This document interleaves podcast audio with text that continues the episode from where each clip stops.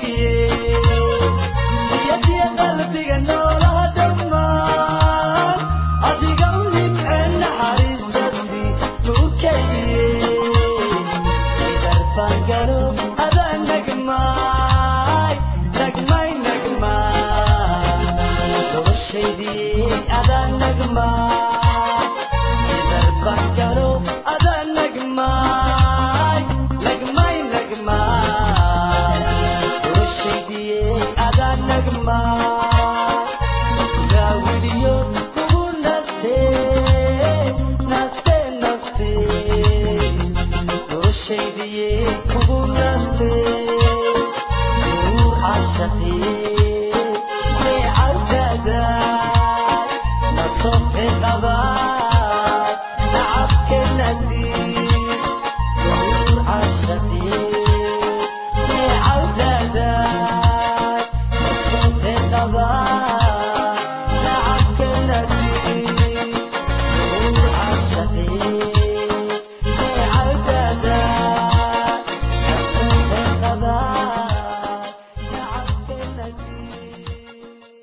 haasaawo tegidda waxay abuurtaa dhibaatada ugu weyn ee haysata dhallinyarada maanta. Inta badan waxa uu qofka dareemaa cabsi qalbi jab ama fikir aad ku saabsan dhanka nolosha ugu muhiimsan. Qaar xitaa waxa ay dareemaan dhicitaan waayo aragnimo ay kala kulmeen haasaawaha tegidda awgeed. Waxay dareemayaan nacayb sababtoo ah waxa ay qofka ay jecel yihiin u muujiyeen daryeel iyo danayn taas oo aan looga jawaabin waa maxay haasaawo tegiddu maxaa ku soo dhacaya maskaxdaada marka aad maqasho haasaawo tegid gabar yar ayaa waxay haasaawo tegid ku sharaxday sida tan. Waa waayo aragnimo qaas ah oo ka dhalata marka wiil la kulmo gabar. Deetadana uu ku ballamiyo meel isaga oo siinaya wakhti cayiman markay kulmaan wakhtigii ay ballanta lahaayeen haasaawo yeeshtaan iyada oo uu macnahan sax yahay haddana waxa uu leeyahay micno dheer kaasoo ah xiriir ka dhex dhasha wiil iyo gabar. Waa saaxiibtinimo qaas ah oo ka dhex dhasha laba qof oo kala soo jeeda lab iyo dhadig. Xiriirkaasoo horseedaya is-xurmayn jacayl deetana guur u fiirso hasaawuhu mar waliba waxa uu la bilowdaa saaxiibtinimo.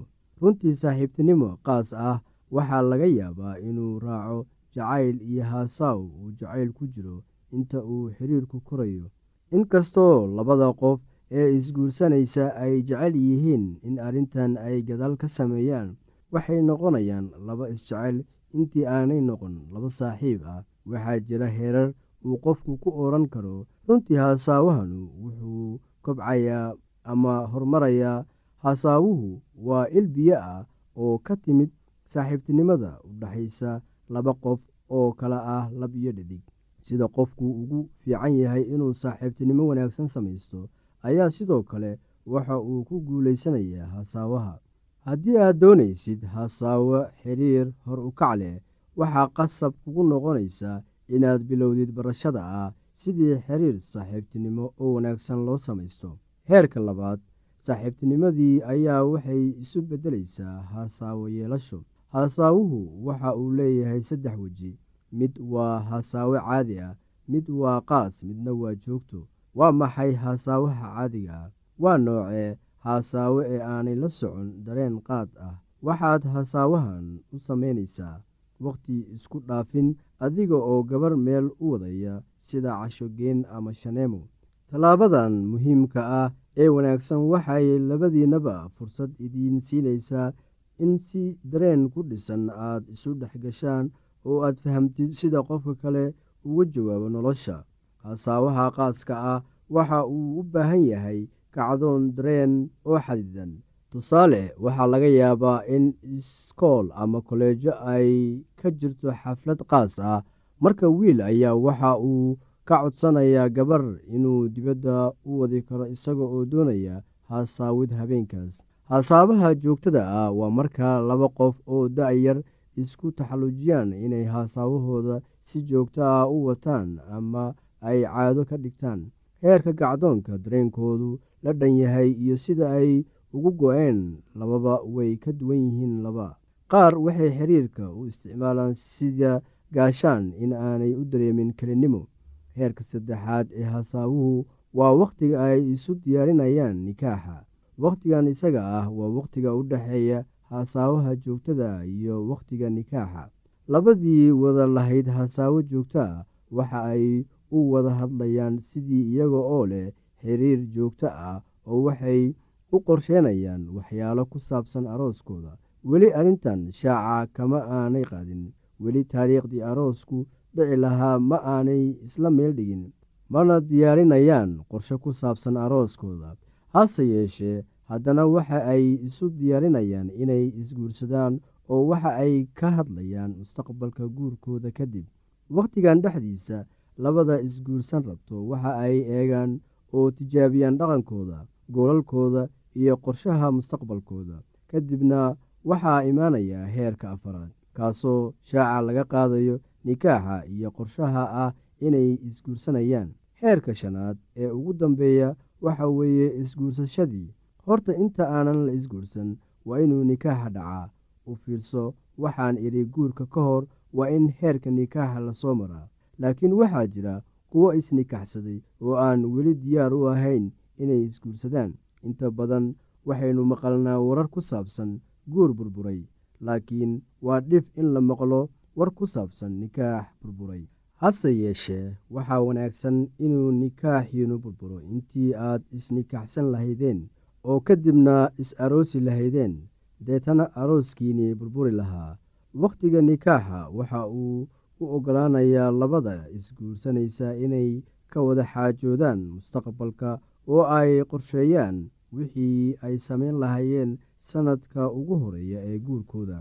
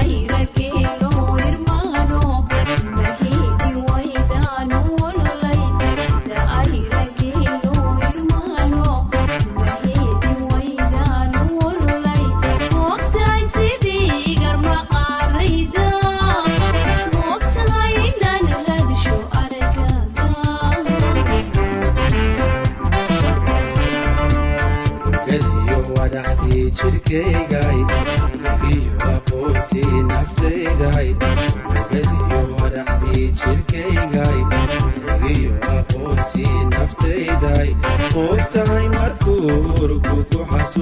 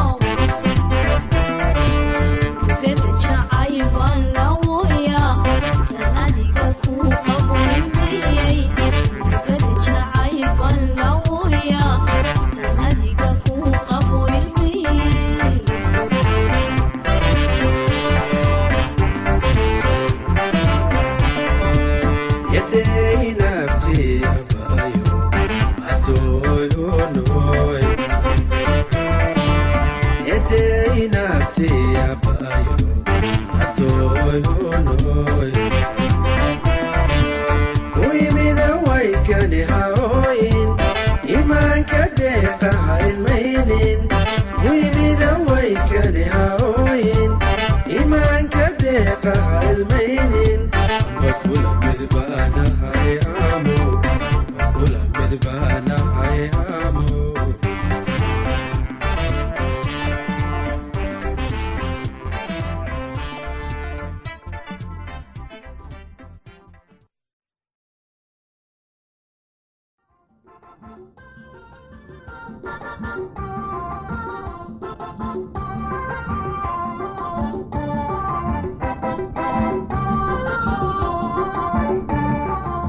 dhegeystayaashana qiimaha qadarinta mudanu waxaad ku soo dhawaataan barnaamijkeenii caafimaadka. Oon kaga hadlaynay tusaha tusaalaha caafimaadka.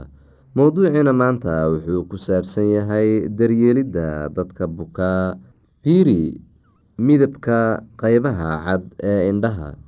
Haddii ay caadi yihiin ama casaan ama ay yihiin jaalle si gaar ah u eg wiilka indhaha. Inta uu leegyahay eeg labada indhood lana soco wax faraq ah oo u dhexeeya labadooda. Faraq u dhexeeya isla ekaanta indhaha haddii ay jirto ugu yaraan waxa uu u baahan yahay gargaar deg dega oo caafimaad. Dhegaha iyo dhuunta iyo sanka. Dhegaha had iyo jeer hubi calaamadaha caabuqa iyo xanuunka dhegaha gaar ahaan carruurta qandhan ama hargabsan dhuunta iyo afka ilays ama toosh ku baar afka iyo dhuunta sanka sanka ma qulqulaa mise waa carun yahay ogow ama garo hadba sida ugu sida ugu neefsan karo sanka. Maqaarka waa lama huraan in la baaro qofka jirkiisa oo dhan waxba ma dhibayso sida jirku u boko hadday iska sahlan tahay. Dhallaanka iyo carruurta waa in la qaawiyaa si gaar ah wax kasta oo kheyro caadi ah oo ay ka mid yihiin boogaha dhaawacyada ama jajabka. Waxaa jirka ka soo yaaca boogaha baraha iyo wixii aan calaamad caadi ah ahayn astaamaha caabuq cas kulul xanuun ama barar bararka qanjiro bararsan kuuskuus aan caadi ahayn tinta oo khafiifta ama buubta si aan caadi ahayn xiribta tinteeda oo buubta caloosha ama baacuuga calooshu haddii qof ay xanuuneyso ku dadaal inaad hesho meesha dhabta ah ee danqaneysa baro ama aqoonso in xanuunku joogto yahay ama mar yimaado marna tago sida calool majiirka muruqyada iyo dareemayaasha. Haddii muruqu tabar dareeyaan oo jirka oo dhan sameeyaan ka shaki qab nafaqo daro ama cudur raagay sida qaaxo hubi adkaanta ama dhuuqsanaanta murqo kala duwan.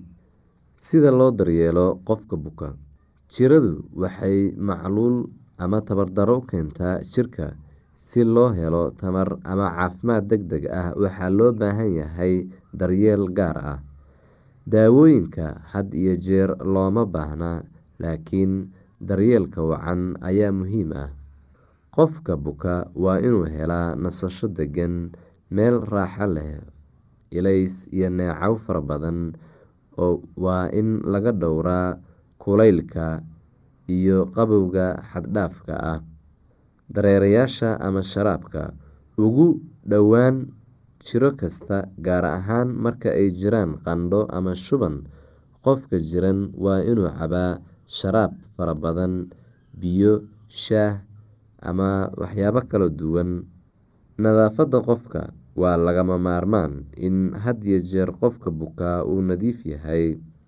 Haddii uu qofku bukaa wax cuni karo si qofka bukaa waa inuu cabaa biyo fara badan uuna cunaa raashin jirka dhisa oo nafaqo leh.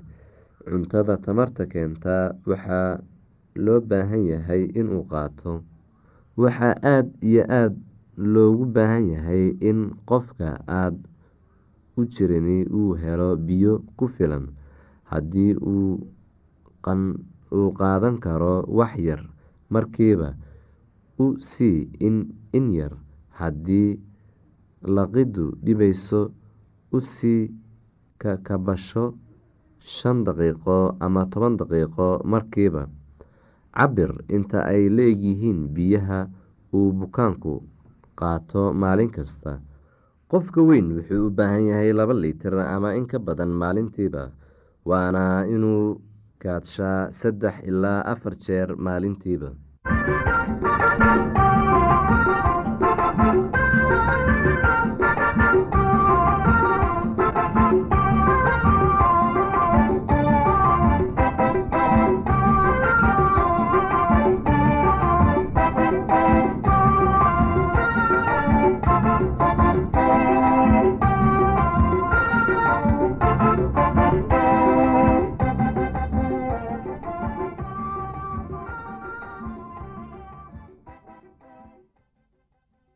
haddii aad qabto wax su'aalaha fadlan inala soo xiriir. Ciwaankeenna waa radio somaly at yahu tcom mar labaad ciwaankeenna waa radio somaly at yahu t com. Barnaamijyadeena maanta waa naga intaas.